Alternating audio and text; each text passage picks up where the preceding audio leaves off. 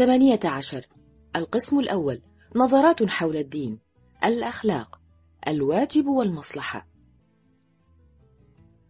يوجد ملحدون على أخلاق ولكن لا يوجد إلحاد أخلاقي. الواجب والمصلحة.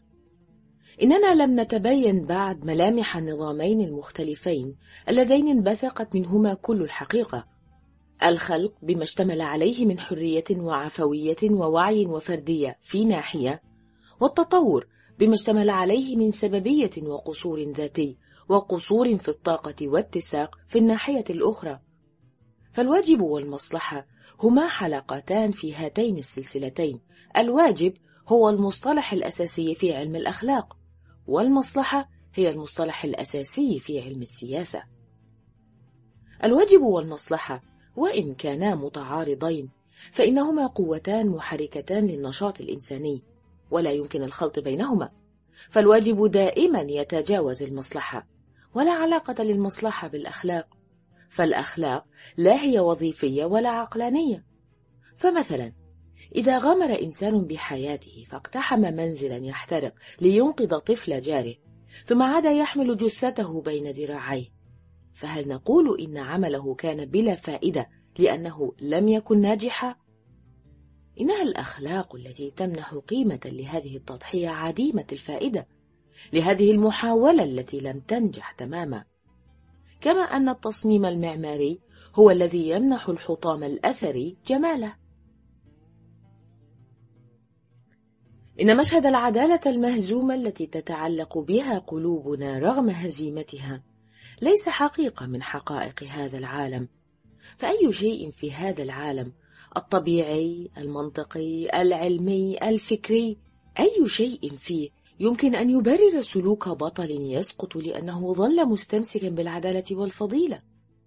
فإذا كان هذا العالم يوجد فقط في المكان والزمان وإذا كانت الطبيعة لا تبالي بالعدالة وجدت أو لم توجد فإن تضحية البطل تكون بلا معنى. لكننا نستبعد أن تكون التضحية بلا معنى فلا بد أنها إلهام من عند الله. إنها تنتمي إلى عالم آخر غير عالمنا الدنيوي. عالم يتميز بمعان وقوانين مغايرة لهذا العالم الطبيعي بجميع قوانينه ومصالحه.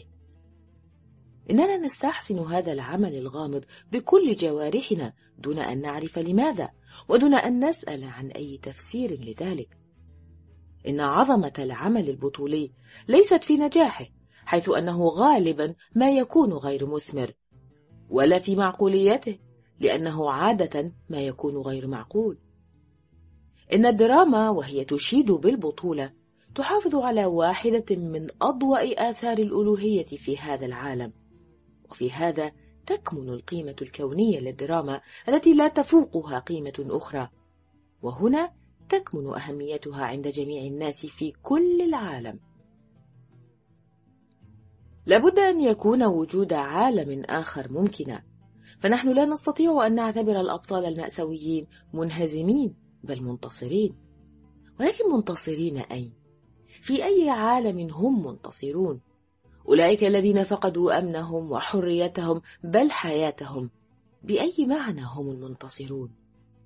من الواضح أنهم ليسوا منتصرين في هذا العالم إن حياة هؤلاء الأبطال وتضحياتهم بصفة خاصة تغرينا أن نسأل دائما السؤال نفسه هل للوجود الإنساني معنى آخر؟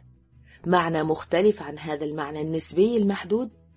أم أن هؤلاء الرجال العظام الشجعان مجرد نماذج فاشلة؟ إن الأخلاق كظاهرة واقعية في الحياة الإنسانية لا يمكن تفسيرها تفسيرا عقليا. ولعل في هذه الحجة الأولى والعملية للدين. فالسلوك الأخلاقي إما أنه لا معنى له وإما أن له معنى في وجود الله وليس هناك اختيار ثالث. فإما أن نسقط الأخلاق باعتبارها كوم من التعصبات أو أن ندخل في المعادلة قيمة يمكن أن نسميها الخلود. فإذا توافر شرط الحياة الخالدة وأن هناك عالما آخر غير هذا العالم وأن الله موجود. بذلك يكون سلوك الإنسان الأخلاقي له معنى وله مبرر. قلة قليلة من الناس هي التي تعمل وفقا لقانون الفضيلة ولكن هذه القلة هي فخر الجنس البشري وفخر كل إنسان. وقليل هي تلك اللحظات التي نرتفع فيها فوق أنفسنا فلا نعبأ بالمصالح والمنافع العاجلة. هذه اللحظات هي الآثار الباقية التي لا تبلى في حياتنا. ولا يمكن للإنسان أن يكون محايدا بالنسبة للأخلاق ولذلك فهو إما أن يكون صادقا في أخلاقه أو كاذبا أو مازجا بين الصدق والكذب. وهي حالة أكثر شيوعا بين البشر فالناس قد يتصرفون بشكل مختلف بعضهم عن بعض ولكنهم يتحدثون دائما بطريقة واحدة عن العدل والحق والصدق والحرية والمساواة. يفعل الحكماء والأبطال هذا بحكم إخلاصهم ومساندتهم للحق ويفعل السياسيون وقادة الغوغاء الشيء نفسه نفاقا وبدافع من المصلحة. إن الزيف الأخلاقي الذي يمارسه المنافقون وقادة الغوغاء ليس أقل أهمية من الموضوع الذي نناقشه. فالتظاهر بالأخلاق والحرص على التخفي تحت قناع أخلاقي مما يتمثل في الحملات الإعلامية تحت اسم العدالة والمساواة والإنسانية. كل هذا يؤكد حقيقة الأخلاق مثلما تؤكدها المعاناة النبيلة للأبطال والشهداء. إن التاريخ السياسي خصوصا في العصر الحديث حافل بالأمثلة على ما يقوم به أعداء الحرية الذين يتسلطون على الناس بأجهزتهم التجسسية والقمعية. وفي الوقت نفسه يحتفظون بأجهزة أخرى أجهزة الإعلام لحديث متزايد مرتفع الصوت عن الحرية والعدالة. إن النفاق وهو زيف أخلاقي يبرهن على قيمة الأخلاق الصحيحة مثلما تفعل النقود المزيفة ذات القيمة المؤقتة بالنسبة للنقود القانونية ذات القيمة الدائمة. النفاق برهان على أن كل إنسان يتوقع أو يتطلب سلوكا أخلاقيا من جميع الناس الآخرين.